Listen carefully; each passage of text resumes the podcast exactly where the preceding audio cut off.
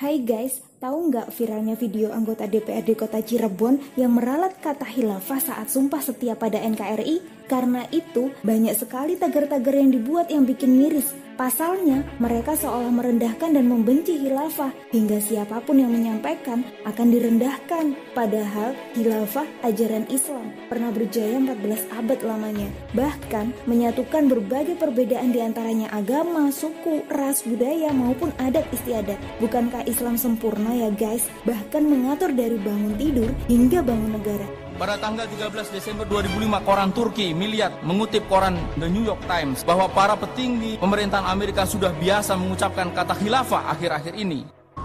халифата от Черного до Каспийского моря. establish a caliphate, a governing organization from Indonesia to Spain. Oh my gosh, we might have a caliphate. Non muslim aja percaya hilafah akan tegak, tapi kamu kok enggak?